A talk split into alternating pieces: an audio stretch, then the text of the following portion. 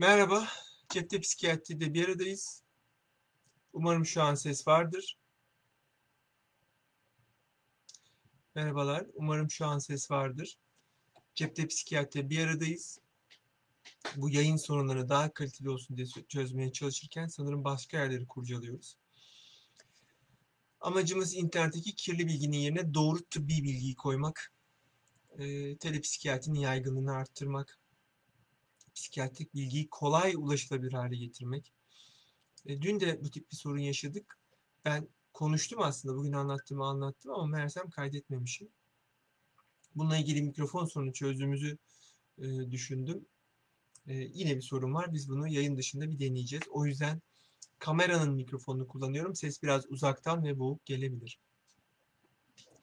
İki kişinin ilişkisi dediğimizde e, iki kişinin ilişkisiyle ilgili konuşuyorsak eğer mutlaka sınırları konuşmak zorundayız.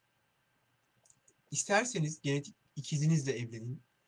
Yapacağınız e, bir 10 yıllık süreçteki birlikteliğiniz oluşturacağınız mutlaka çatışmalar doğuracaktır ve mutlaka birbirinize sınır koymak zorunda kalacaksınız. İlişki dediğiniz şey karşılıklı bir şey. Yani nasıl duvarla ilişki kuramıyoruz, niye bize yanıt vermiyor? Biriyle ilişki kurmak demek, onunla e, temasa geçmek demek. Sizden farklı duyguları, düşünceleri, istekleri olan, sizden farklı bir biyoritmi olan, zamanlaması olan birisi. Peki nerede e, sınır koyacağız, nasıl sınır koyacağız? En önemli sıkıntılardan biri bu. Daha önce sınırlarla ilgili e, başka bir kitapta paylaşmıştım ben yetişkin yaşamda. Çünkü aslında zaten sınır koyma ile ilgili sınır, e, sorunları olanlar genellikle kendi ailelerinde de sınır koyma ile ilgili sorunlar yaşayanlar. Ya da fazla sınır koyanlar, fazla bağımlı olanlar. Hani genç kızlar vardır böyle birbirleriyle tuvalete bile birlikte giderler. Birbirlerinden hiç ayrılmazlar. Birinin başka bir arkadaş elinde öbürü ona küser. Bunlar hep aslında sınır sorunudur. Yani kendi sınırlarınızı bilmemek, karşı tarafın çok içine girmekle ilgili sorunlardır. Peki bir ilişkide bu nasıl olabilir? İlişkiyi bir dans metaforuyla anlatayım size. Her ilişkide siz bir adım atarken aslında e, özgür iradenizle karar verirsiniz. Fakat bu bir yanılgıdır. Özgür iradenizle sağ ayağınızı kaldırdınız ve bir dans adımı atacaksınız. Sağ ayağınız havadayken sol ayağınızı kaldıramazsınız. Özgür irade orada biter. Yani yaptığınız her eylem sizi bağlar. Sizin bir sonraki adımınızı belirler. Ee, ben de partneriniz olarak size sağ adımla at, sol adımla at diyemem. 40 yaşına gelmiş bir kadına şunu giy, bunu giyme diyemem. Bunu yap, bunu yapma diyemem. Ben sizin adımlarınızı belirleyemem. Kendi adımımı belirleyebilirim. O zaman şunu diyebilirim. Bunu giyersen e, bu yemeğe gitmek istemiyorum ya da harcama politikamız böyle olacaksa ben daha farklı bir politika seçmek istiyorum. Ya da harcama politikası seçmek istiyorum. Ee, anne anneme gelmeyebilirsin ama orada kötü duruma düşeceğim için e, benim de bununla ilgili e, tepki verme hakkım saklı. ne hissedeceğimi bilmiyorum ama ben de sana tepki vereceğim.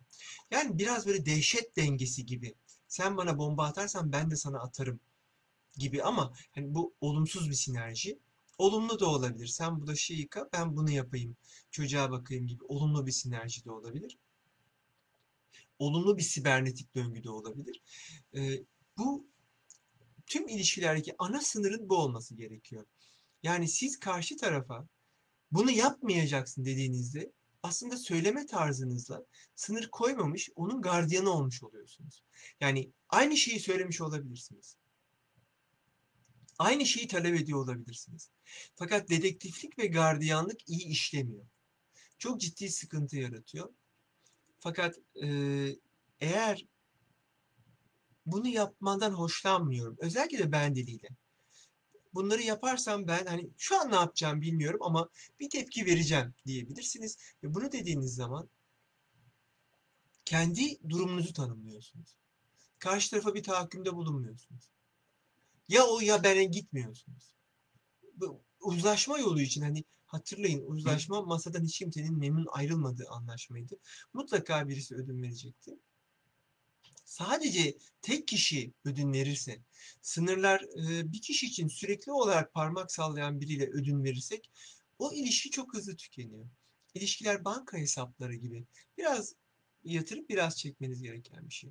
Tamamen siz çekerseniz ya da sizden alınırsa o hesap kapanıyor. O hesap iflas ediyor. Bu yüzden bu sınırlarda e, çatışma olsa bile tarz ve tutum önemli. Bu yüzden de duygudaşlık ilgili günümüzde ilgili sürdürecekseniz iyi arkadaşlık yapabilen, ortak kaliteli e, zaman geçiren, ortak etkinlik yapabilen kişiler iyi birliktelikler sürdürüyor demiştim. Eğer bakış açılarınız net değilse, özellikle çocuk yetiştirmede, mali politikalarda, e, sosyal ilişkilerde bakış açılarınız aynı değilse, inanç sistemleriniz aynı değilse, hayatta inandığınız değer sistemleriniz aynı değilse çatışmanız çok daha fazla olabilir. O zaman çok fazla çatışma varsa, birbirinize sınır koyamıyorsanız ilişkinin dayandığı temelleri bir gözden geçirmek lazım. Yani ben gerçekten ne istiyorum? Gizli bir ajandası yoksa iki tarafında genellikle bir tarafın oluyor ama e, samimi ise iki kişi de burada uzlaşılabilir. Gerçekten uzlaşılamayacaksa Gülcan Özer'in hep önerdiğim kitabında hani anlaşamayacağımız konusunda anlaşmış olabiliriz. Bu da bir uzlaşmadır. Çünkü hayatın kendisi de bir test. Hayatın kendisi de bir e, süreç takibi ve eğer siz onu denediniz olmadı, bunu denediniz olmadı. Yani gerçekten iyi sürdüremiyorsunuz. Yani partneriniz son derece dindar e, ya da muhafazakar değer sistemlerine sahip. Sizin için ise bunlar çok önemli değil. Üretkenlik daha önemli ya da ne bileyim başka bir şey daha önemli. Ve bu konuda çok ciddi çatışmalarınız oluyor. Örneğin e, eşiniz çok muhafazakar e, bir hanımefendi ve alkol almanıza çok kızıyor. Sizin için ise bu çok büyük bir sorun değil. Kendinizi alkolik olarak da görmüyorsunuz. Ya da siz eşinizi çok e, ev kadını buluyorsunuz. onun biraz daha iş kadını gibi olmasını, biraz daha entelektüel olmasını istiyorsunuz. Ya da gezmesini, dışa dönük olmasını istiyorsunuz. O ise evde oturup çocuklarına bakmak. Öyle yetiştirilmiş. Yani değer sistemleriniz uyumuyorsa ve çok çatışıyorsanız o sınırı koyamayabilirsiniz. Bu yüzden temelde, başlangıçta değer sistemleri birbirine benzeyen, hayattan beklentileri birbirine benzeyen insanlar iyi olabilir. Örneğin bu sorunu basit gelebilir size ama en çok mali sokku alanlarda yaşıyoruz. Yani sizin için çok öncelikli olan takı ya da adam için çok öncelikli olan araba eşi için öncelikli olmayabilir. Bu masrafları saçma bulabiliyor. Eşinin bir koleksiyonunu, bir merakını, hobisini, yani balık oltası için harcanan e, parayı çok saçma bulabiliyor. Onun için saçma da zaten. O zaman ya e, evin giderlerine ortak katılıp ya da kazancımız oranında bütçenin kalanını insanlar kendilerine alacaklar. Yani mali disiplinimizi gözden geçireceğiz. Mali işbirliğimiz de var çünkü. Ve bir diğeri öbürüne burada çok Hani bu karar verdikten sonra amma pahalı oltalar alıyorsun. Ne yapacaksın? Kazandığın balıklar bunun onda biri etmez gibi cümleler kurmayacak. Bir karar vereceğiz. Bir yaşam biçimi belirleyeceğiz. Ve bunun üzerinden gideceğiz. Bu çok kolay bir şey değil. Buradaki zorluk, ilk zorluk önce sizin kendinizin ne istediğinizi bilmeniz. Hep söylediğim gibi anneannen gibi hissedip annen gibi düşünüp 2020'de olunamadığı için hani siz hem çok parlak bir koca olsun, hem çok gezelim, hem çok entelektüel olsun, hem çok çalışsın, hem çok bana zaman ayırsın, hem çok hediyeler alsın. Olamaz bu. Yani bir kişi süper kadın, süper anne, süper çalışan, süper ev kadını olamaz. Böyle bir şey yok. Bu sadece filmlerde var. Kadın için de erkek için de geçerli bir şey. Sınır koymadaki o eğer adımı attığın, atacağınız adımda yanlış mesaj verirseniz, gel birlikte tango yapalım deyip vals yaparsanız birbiriniz adını ayağına çok fazla basacağınız için keyifli bir dans, deşarj olduğunuz, karşı taraftan keyif aldığınız bir zaman geçirmezsiniz. Sürekli birbirinizin ayağına bastığınız çok sıkıntılı bir süreç geçirirsiniz. Bu da çok zekice değil.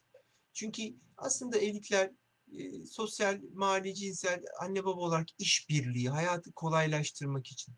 Bunun için olmayacaksa sadece e, sekonder ikinci e, ajandanız var ve hani başka amaçlarla hani üzerime ev yap videoları gibi filansa zaten hani ya çok net bir evlilik kontratı yapmanız lazım. mal ayrılığı sözleşmesi şu bu filan. Yani çok net olmanız lazım. Ya da e, ya da dikkatli olun. Hani bu konuda karşı tarafın ajandası dediğim şey çok önemli. O, o ne bekliyor? Kendi nasıl ifade ediyor? Aslında o sevgi bekliyorum dediği şey aslında sevgiden kastettiği sevgili hediyeler üzerine mi? Yani bolca e, parasal karşılığı olan hediyeler mi bekliyor? İlgi dediği şey aslında e, cinsel bir açlık mı? Hani de, ortak değerlerinizle, beklentilerinizle yaşamı birliktelik süresince sizin için en önemli olan iki şey, üç şey ne? Onun için olmazsa olmaz üç şey ne? Olmazsa olmaz kesin kabul edeceğiniz şeyler neler? Kesinlikle kabul etmeyeceğiniz. Bunları çok net tanımlayıp buralar üzerinden sistemi belirleyip ondan sonra da e, o sınırları buna göre çizmek lazım. Yoksa sınır falan çizilmiyor. Sadece münakaşa yapılıyor. istişare yapılmıyor ya da e, münazara anlamda tartışma yapılmıyor. Sen bunu nasıl yaparsın? Bana bunu nasıl yaptın? Anama neden gelmedin? Babama neden gitmedin? Gibi saçma sapan tartışmalar oluyor ve işte anlamlı değil. Soruların içinde bununla ilgili güzel örnekler vardı. O yüzden oraya doğru dönmek istiyorum. İnşallah yarın şu net, ses netliğini çözeceğiz. Yani bunun için uğraştık bayağı ama bakalım. Ee, hemen sorulara doğru geçiyorum. Ee, Done Hanım, oğlum Venlafaxin 4 aydır kullanıyor. Şu an 5 günde atak geçiriyor. Bunu antidepresan diye verdiler. Bu ilaç nasıl iyi mi? Bir antidepresan Venlafaxin. 4 aydır kullanıyorsa e, iyi bir süre. Dozunu bilmiyorum. Neden verildiğini bilmiyorum. Tanıyı bilmiyorum. Yani bunlar çok ciddi sorular ve ciddi yanıtlar Hanım. Bu yüzden e, önerim yani aile hekimi olabilir, hekimi olabilir ve oğlunuz sorsun. Siz değil. Yani oğlunuzun tedavi sınırlarına girmeyin. Ee, eğer oğlunuz tabii ki hani aklı başında değil, atak geçiriyorsa yanında olun ama olabildiğince girmeyin. Hekimiyle bunu takip etmesini sağlayın. E, ve hekimine bu soruları sormasını sağlayın. Evet güçlü ve sevdiğimiz bir ilaç Venlafaxin.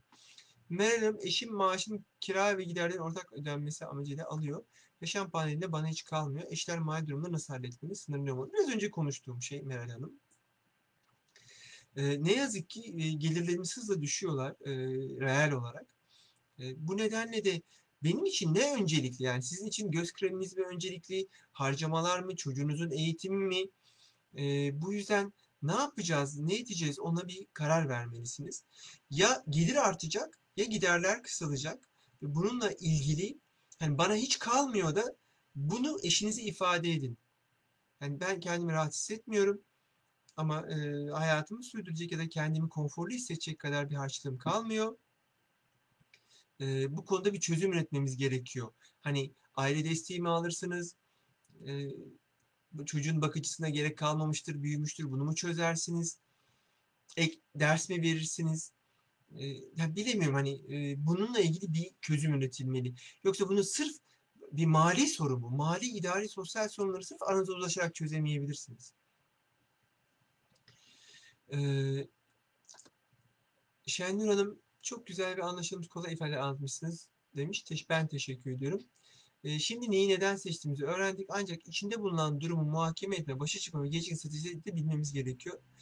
Evet, bunları tartışıyoruz. Bunları konuşmaya çalışıyoruz. Mesela bu gibi strateji aslında. Daha da konuşuruz diye düşünüyorum. Ee, Melek Hanım, ben eşimi kıskanan bir insan değildim. Fakat eşim sürekli o kadar o kadın güzel, bu kadın uzun boylu gibi konuşma davranışı beni kıskanç bir haline getirdi. Bu kıskançlık değil aslında öfke ve kırgınlık. Bu durumda sinirleniyorum. Böyle davranışları görmezler mi gelmeliyiz? Elbette ki hayır. Zaten siz tanıyı çok güzel tespiti yapmışsınız. Kırgınlık diye.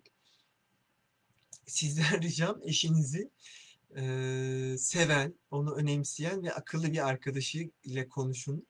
Ve onu uyarsın.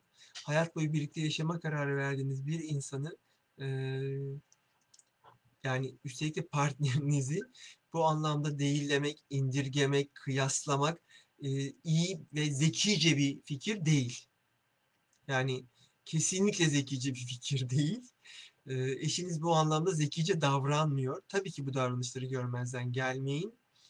E, ama ben dileğiyle hani bunun ne kadar yıkıcı olduğunu ve sizi çok rahatsız ettiğini söylerseniz çok faydalı olabilir. Yani tepkinizi kızgınlıkla değil de kırgınlık ve daha somut tepkilerle. Yani bunu yaptığın sürece ben yani seninle bunu konuşmayacağım ya da akşam kahvelerini kaldırıyorum. Yani her bu yapışın bir ay boyunca e, benim kendime göre takılıp seni görmezden gelmem anlamına gelecektir gibi somut e, bir e, yaptırımı tanımlamanızı öneririm birlikte konuşarak. Fatih Bey, çocuklarımıza sınırları ne zaman öğretmeye başlamalıyız? İleride kendilerini doğru ifade edebilsinler. Ve çocuk bakımından çok çatışıyoruz. Kimin nereye kadar karışma sınır var? Baba olarak nerede durmalıyım demiş. Şimdi burada iki soru var. Bir, çocukları sınırları ne zaman öğretmeye başlamalıyız? Olabildiğince erken. Bu yemek eğitimi için bir yaştır sınır, üst sınır. Çocuk e, katı gıdaya geçtiğinde 6. ayda eğer siz yemek yediğiniz karnabaharın, patlıcanın, şunun bunun sularından yemeğine katmazsanız, yani sizin tat ve damak zevkinizi yavaş yavaş çocuğa katmazsanız, e, ette, eti çiğneyemiyor diye blenderdan geçirir verirseniz, yani 18 yaşına kadar blenderdan geçirirsiniz. Bu yüzden e, hani bu hayır eğitimi için 3 yaş, sosyalleşme için 5 yaş gibi son derece küçük alanlar bu yüzden çok erken tutarlılık, aynılık, süreklilik olmalıdır. Çocuk bakımında çok çatışıyoruz da e, yine bu üçlü kelime çocuk psikiyatrisinin duvarlarında altın harflerle yazan tutarlılık, süreklilik ve aynılık çok önemli. E, yani bardağı kırdığında kızıyorsanız camı kırdığında daha çok kızacaksınız, tutarlı olacaksınız. Bir şeye kızıyorsanız hep kızacaksınız, ödüllendiriyorsanız hep ödüllendireceksiniz. Süreklilik olacak ve sizinle eşiniz arasında aynılık olacak. Yani farklı davranmayacaksınız. Bunlar birbirine tutarlı olacaklar. Ancak şunu söyleyebilirsiniz. Annenin verdiği cezaya katılmıyorum ama annendir ve ceza alınmıştır ve çekilecektir. Nokta. Bu başka bir şey. Tarzınızın farklı olması bence bir zenginliktir. Bakın tutum değil ama ifade tarzınızın. Annenin sesini yükseltmesinden hoşlanmıyorum ama e, söylediğinde de haklı olduğu yerler var ama gel birlikte bunu çözmeye çalışalım gibi. Hani iyi polis kötü polisi oynamak ek bir alettir. Bu nedenle bir, burada bir sıkıntı yok. Baba olarak bir yerde durmanız gerekmiyor. Sadece verilen cezayı orada değillemeyin. Siz gidin yatak odasında konuşun birlikte akşam. Ee, ve korkmayın yani 100 ebeveyn olsun bir tanesi iyi olsun. Sadece bir tanesi. 100 çocuğun 99'u o bir tane iyi ebeveyni bulur. Ve siz e, sizin iyi davranışlarınızdan, anne annenin iyi davranışlarından çocuk kendini kendine iyi bir sentez yapabilir. Bundan endişelenmeyin. Sadece tutarlı olun. Modellemeyi görür ve çocuk zaten kimi nerede kullanacağını, kimi nerede puanlayacağını biliyor. Katılmıyorum dersiniz. Bu tutuma katılmıyorum. Babanın alkol almasına katılmıyorum. Annenin bağırmasına katılmıyorum. Bunu fazla titiz buluyorum ama anneni kırmak istemiyorum. Gel yapalım dersiniz biter isim vermek istemeyen e, bir hastamız. Hocam eşimizle cinsel birliktelikte bazı sınırlar olmalı. Ancak çoğu kadın eşini mutlu etmek adına bu sınırları koymuyor. Bu kadında kadınları bu konuda kadınları aydınlatabilir misiniz demiş. Şimdi e, size katılamayacağım. Çünkü e, cinsel terapide bir cinsel terapistim ben Çetat eğitimde. 3 yılda aldım e, cinsel eğitim e, süpervizyonumu ve eğitim e, belgelerimi hani hafta sonu kursu değildir. E, bu eğitimlerimize göre bizim düşüncemize göre düşünceme göre yatak odasında çiftin arasındaki tek sınır yasal sınırdır. Yani çocuk pornosu yasak ya da karşındakinin kemiğini kırmak yasaksa yasaktır. Bu bunun dışında hani bu şu olabilir. Bir ülkede e, belli bir ilişki kurma biçimi yasaktır. O yasal sınırdır. Buna itirazımız yok. Bunun dışında ikinci bir sınır karşı tarafın size koyduğu sınırdır. Yani yanağınızdan öpülmesini istemiyorsanız bu bir sınırdır. Ama siz kırbaçlanmak istiyorsanız, eşiniz de kırbaçlanmaktan hoşlanıyorsa ve yasal sınırı aşmıyorsanız yani sizler haricindeki herkese halt etmek düşer. Bu kesinlikle yani yatak odasında çiftin koyduğu sınırlar dışında sınır olmaz. Elbette ki siz değer sistemleriniz, inanç sisteminiz, kendi yetiştiriliş biçiminiz, algılarınız gereği ben oral seks istemiyorum, ben e, şunu istemiyorum, bunu istemiyorum diyebilirsiniz. Fantazi istemiyorum diyebilirsiniz. Ama tam tersine biz e, fantazileri falan özellikle uzun süren monoton evliliklerde 40 yaş üstünde önermek zorunda kalıyoruz. Bu nedenle kitaplar öneriyoruz. Türk kadınların fantazileri, düş sandığım gibi, İngiliz kadınların fantazileri, benim e, Gizli Bahçem gibi, Ann Hopper'ın kitapları gibi çok iyi bir kadın e, yazar, cinsel terapist. Cinsel Yaşam Kılavuzu kitabı. Yani ev ödevi vere vere sahaflarda bile kalmadı. Tarattık, öyle göndermeye çalışıyoruz. Ve bu yüzden de çok büyük e, sıkıntı yaşıyoruz.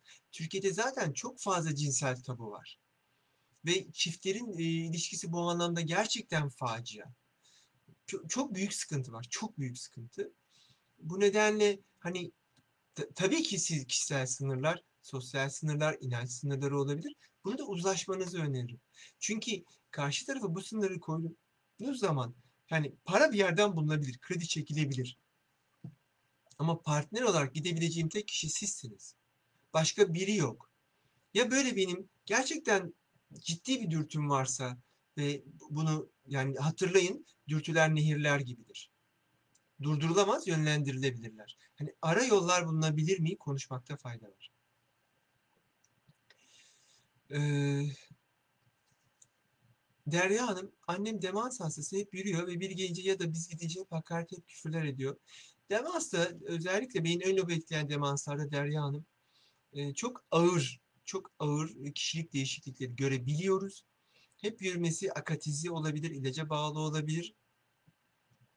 E, küfürleri, kişilik değişiklikleri ve o organik ruhsal bozukluk diyebileceğim dürtü kontrolünün bozulması ile ilgili bunların ilaçları var. Fakat kitabın bittiği hastalar, yani dozları falan böyle deneye yanına deneye yanına mutlaka bakım veren stresiyle, bakım bakıcılarıyla falan yürütmemiz gereken çok böyle ince ayar tedaviler. Demans konusunda biraz deneyimi olan bir nörolog ya da psikiyatri uzmanı. Yani klinik psikolog değil, aile hekimi değil burada. Hani gerçekten demans doğrudan ikinci basamak. Çok önemli. Melek Hanım, e, benim sanki benimle biri konuşuyor, deneyecek gibi hissediyorum. Nefesim daralıyor, ölüm korkusu. Bir de ne olacak benim bu halim? Çok sık konuştuğumuz bir şey bu Melek Hanım'la. E, tanılarımız nedeniyle bu e, doğal mevsim geçişlerinde çok belirgin ataklar geçiriyorsak e, bu olabiliyor Melek Hanım. Hemen ilaç ayarlanacak. Hemen ilaç ayarlanacak. Agit Bey psikozlarda ilişki yürütmek için ne yapmalı? Öncelikle iyi tedavi olmalısınız ve lütfen bir ilişkiye girmeden önce ya da evlenmeden önce mutlaka sizin psikoz olduğunu bilmeli. Tedavi altında psikozların çok ağır vakalarda ise normal insanlardan bir farkı yok. Özellikle erkekler için kadınlarda doğum sorun yani e, psikotik olup da doğum hamilelikte ilaçları kestiğimizde doğum sonu psikoz dediğiniz sorun olabiliyor. Burada iyi bir psikiyatristle beraber e, danışıklı gitmekte ve kesinlikle aile desteği almakta fayda var. Biraz sizden olgun, e, biraz sizi idare edebilen bir partner seçmekte fayda var diye düşünüyorum. Gülten Hanım, bence en iyisi bir insan kendini fazla dinlememeli ve de hep güler yüzlü olmalı. Nerede ses varsa orada uzaklaşmalı. Keşke bu yapılabilseydi. Çok güzel bir tavsiye.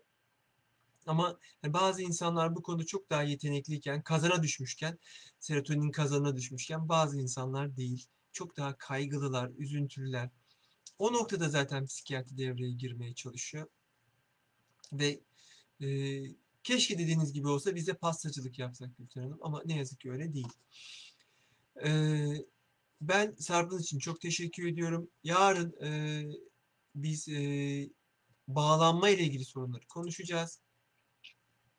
Aşırı bağımlılıkları konuşacağız. Ee, yani bu bu konuyu bu konudaki taktikleri konuşmak istiyorum aslında. Ee, sizin de talep ettiğiniz gibi. Yarın saat 7'de buluşmak üzere. Sarp için teşekkür ediyorum. 1 Aralık'tan itibaren YouTube kanalında olacağız. Bir link hazırladık ve attık yorumlara. Beğenirseniz orada görüntü kalitesi ve ses kalitesi ile ilgili sorunlar olmayacak gibi duruyor. Facebook'ta 720'ye çıkamıyoruz bir türlü. Sarp'ın için çok çok teşekkür ediyorum tekrar.